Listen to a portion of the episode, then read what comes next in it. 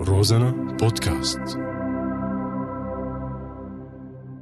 السكن الجامعي من أهم الأشياء اللي بتحاول الطالبة أو الطالب تأمينها مع بداية العام الدراسي ومو كتير من الأوقات بيكون توفير هالشي بالساهل.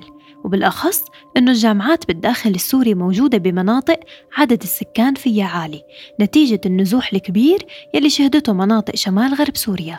ففرصة توفير بيت للآجار بسعر معقول كتير قليلة وفي حال توفرت غلاء الإيجار عم يكون عائق كبير قدام الطلاب يلي عندهم تكاليف دراسة تانية. حلقة جديدة من بودكاست شو الحل من إعداد محمود أبو راس وصوتي أنا أسمى منير ومكساج عقبة خليفة. سلمى طالبة عم تدرس بجامعة حلب بالمناطق المحررة عم تواجه برحلة بحثها عن سكن كتير من الصعوبات. أهمها غلاء إيجار البيوت بمدينة عزاز شمال حلب يلي بيفرض عليها تأمن عدد أكبر من الشركات بالبيت وبالتالي مشاكل بالتركيز والدراسة. بالنسبة لي كطالبة لما أبحث عن البيت بدي اضطر أسأل دلال. والدلال آه، بياخد أجار تقريبا مية وخمسين دولار ما عدا الدلالة طبعا. فما فيني أدفع هذا المبلغ لحالي فراح أدور على بنات يسكنوا معي. طبعا صعوبة إني ألاقي بنات تسكن لأنه أغلبهم بيدور على البيت الأرخص. لقيت بنات مثلا لازم أقل شي سبعة ثمانية في البيت. كرمال نقدر نقسم المبلغ علينا نحن كلياتنا ونقدر نعيش بهذا المكان وبهذا البيت. فكتير كتير بنلاقي صعوبة بهذا الموضوع. أه بنجي على صعوبة الدراسة بالغرفة لما يكون في ثلاث بنات. فأكيد الواحد ما فينه يدرس بسهولة راح يلاقي كتير صعوبة. لأنه بيكون آه، شخص عم يدرس الشخص التاني عم يعمل غير شي. فما فينه يدرس أو يلاقي طريقة لي... ليجذب المعلومات له فراح يلاقي كتير صعوبة بالحفظ وبالدراسة وبكتير شغلات. بعض الجامعات الموجودة بالمنطقة سعت لحل هي المشكلة مثل توفير سكن للطلاب مقابل دفع رسوم مالية.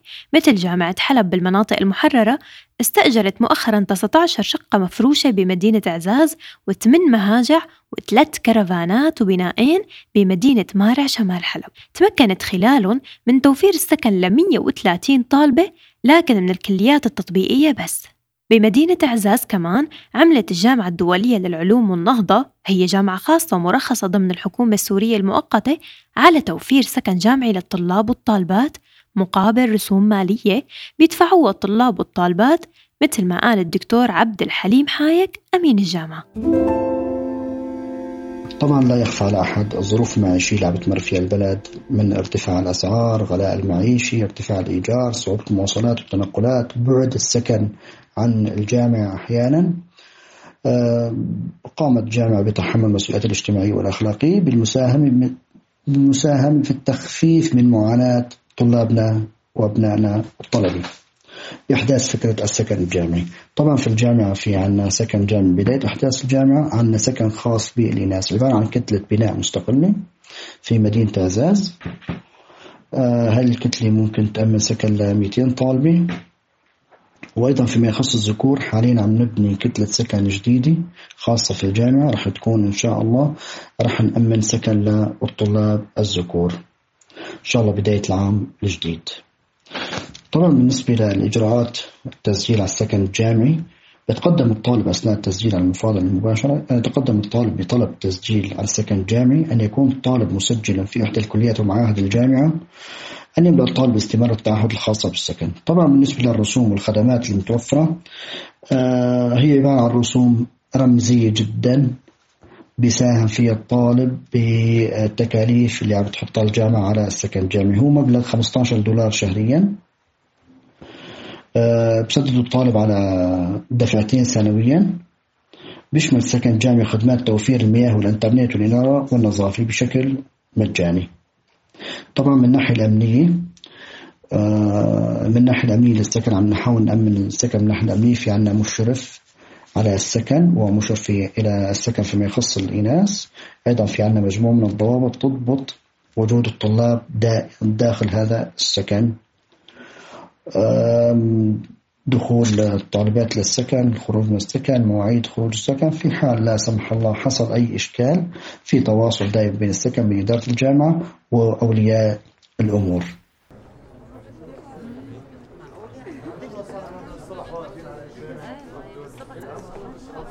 جامعة شام تعتبر جامعة خاصة وهي موجودة بريف مدينة عزاز سعت أيضا لتوفير سكن للطلاب والطالبات بقدرة استيعابية أكثر بشوي من جامعة النهضة لكن بتكاليف مرتفعة.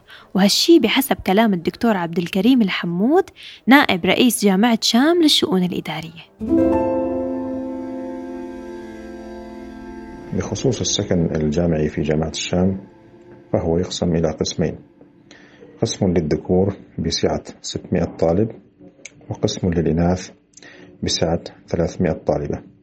علما أن سكن الذكور موجود في الجامعة منذ افتتاحها بسعة حوالي 300 طالب وتم زيادة السعة هذا العام إلى 600 طالب. أما عن أسباب التوسع في السكن الجامعي فهو لتغطية الطلب والاحتياج للطلاب خصوصا الذين يسكنون في أماكن بعيدة عن الجامعة. تتم مفاضلة السكن وفق معايير أهمها المسافة أي كلما كان آه، سكن الطالب أو مكان إقامة الطالب أبعد فهو له الأحقية في الحصول على السكن ثم الاختصاص آه، الجامعي الذي يدرسه الطالب فالاختصاصات التي تحتاج إلى دوام أكثر ومحاضرات أكثر يكون آه، هناك أولوية في حصول الطالب على السكن. بالنسبة لسكن الطالبات وهي التجربة الجديدة في الجامعة وتشهد إقبالا جيدا من الطالبات لأن ذلك يخفف من معاناة التنقل والمصاريف المادية والقدرة على متابعة المحاضرات اليومية. أما من ناحية تأمين سكن الطالبات فهناك مشرفات متخصصات ومديرة للسكن وحرس حماية لضمان سلامة الطالبات الموجودات في آه، السكن بشكل عام يؤمن السكن الجامعي الخدمات اللازمة للطلاب من حيث الأسرة والكهرباء والتدفئة والماء والإنترنت كما يوجد في السكن قاعة كبيرة للمطالعة ومكتبة خاصة للقراءة ويوجد أيضا جناح خاص للمدرسات والمدربات. بالانتقال لجامعة إدلب الجامعة الأكبر بشمال غرب سوريا من حيث عدد الطلاب والطالبات والأقسام المتوفرة فيها حاولت توفير سكن لطالباتها بس بنفس الوقت بقدرة استيعابية قليلة مقارنة بعدد الطالبات واللي بيختلف هون هو رسوم السكن المفروضة. هناك كان عدة أسباب وضرورات لإنشاء سكن جامعي أو لتأمين سكن جامعي للطلاب وذلك بسبب بعد المسافة بالنسبة للطلاب في طلاب يسكنون في مناطق بعيدة عن مدينة إدلب. وما يؤدي إلى ضياع الوقت والجهد وال يؤدي إلى تعب جسدي ومادي بالنسبة للطالب. مما اضطر إلى إحداث سكن الجامعة التخفيف قليلا عن الطالب. علما أنه تم إحداث وحدتين سكنيات وحدة خاصة في الإناث ووحدة للذكور. علما أن الطاقة الاستيعابية هي 120 طالب لكل وحدة سكنية. يقوم الطالب بالتسجيل بموجب الإعلان عن بدء التسجيل في السكن الجامعي بتقديم طلب في السكن الجامعي بالنسبة للإناث وفي شؤون الطلاب المركزية بالنسبة للطلاب الذكور. ويتقدم الطالب بالأوراق المطلوبة وهي عبارة عن سند إقامة من المختار لتحديد مكان الإقامة أو مدير المخيم بالإضافة إلى حياة جامعية من الكلية. هاي طبعا بالنسبة للطلاب القدامى. وأما الطلاب المستجدين يقبل شرطيا أو عبارة عن استمارة المفاضلة. الطلاب المستجدين. وصور شخصية على اثنين وصورة عن الهوية وإخراج الخيل ومن ثم يقوم الموظف المسؤول بتعبئة البيانات إلكترونيا وتقوم رئاسة الجامعة اختيار الأسماء بناء على معايير قبول موضوعة سابقا وهي عبارة عن الكليات العلمية والمسافة تتجاوز 25 كيلومتر. يدفع الطالب مبلغ وقدره 150 ليرة تركي قسط شهري وكل فصل على حدة. علما أن السكن الجامعي ساهم في تخفيف العبء على الطلاب الغير قادرين على تأمين منازل للسكن ضمن مدينة إدلب وأن مبنى السكن مؤمن بشكل كامل ويوجد حارس جامعي على باب السكن يشرف على تأمين دخول وخروج الطلاب في الأوقات المحددة من قبل إدارة السكن وعدم السماح للأشخاص الغرباء بالدخول إلى السكن.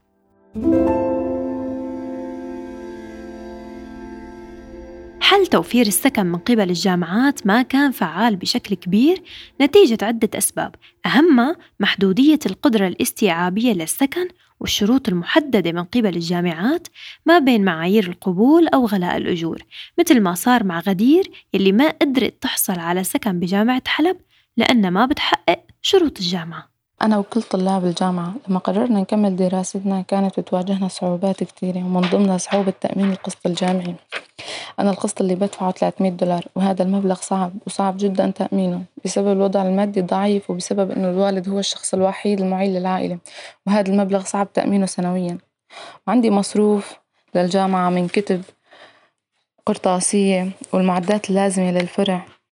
واللي زاد صعوبة وزاد المصروف هو مصروف المواصلات الروحة والرجعة كل يوم على الجامعة حاولت أأمن سكن جامعي لكن ما قدرت بسبب الشروط اللي كانت موجودة للسكن اللي كانت من ضمنها إنه يكون الطالب أحواله المادية مو منيحة ويكون بعيد عن عزاز ما يقارب ثلاث ساعات وإنه يكون. وإنه يكون معدله عالي جدا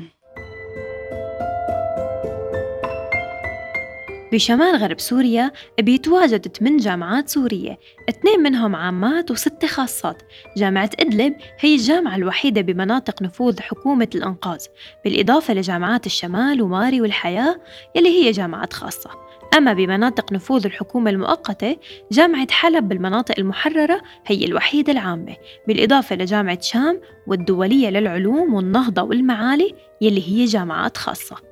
جزء من هي الجامعات عم يحاولوا يأمنوا سكن جامعي للطلاب والطالبات بس هي المحاولات لحد هاليوم عم تكون خجولة وغير قادرة على استيعاب حاجة الطالبات تحديدا لهالشي.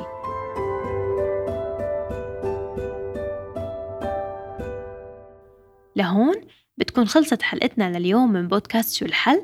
احكوا لنا بالتعليقات شو الحلول يلي ممكن تساعد الطلاب والطالبات لحل مشكلة السكن الجامعي على صفحة بودكاست روزنا على فيسبوك.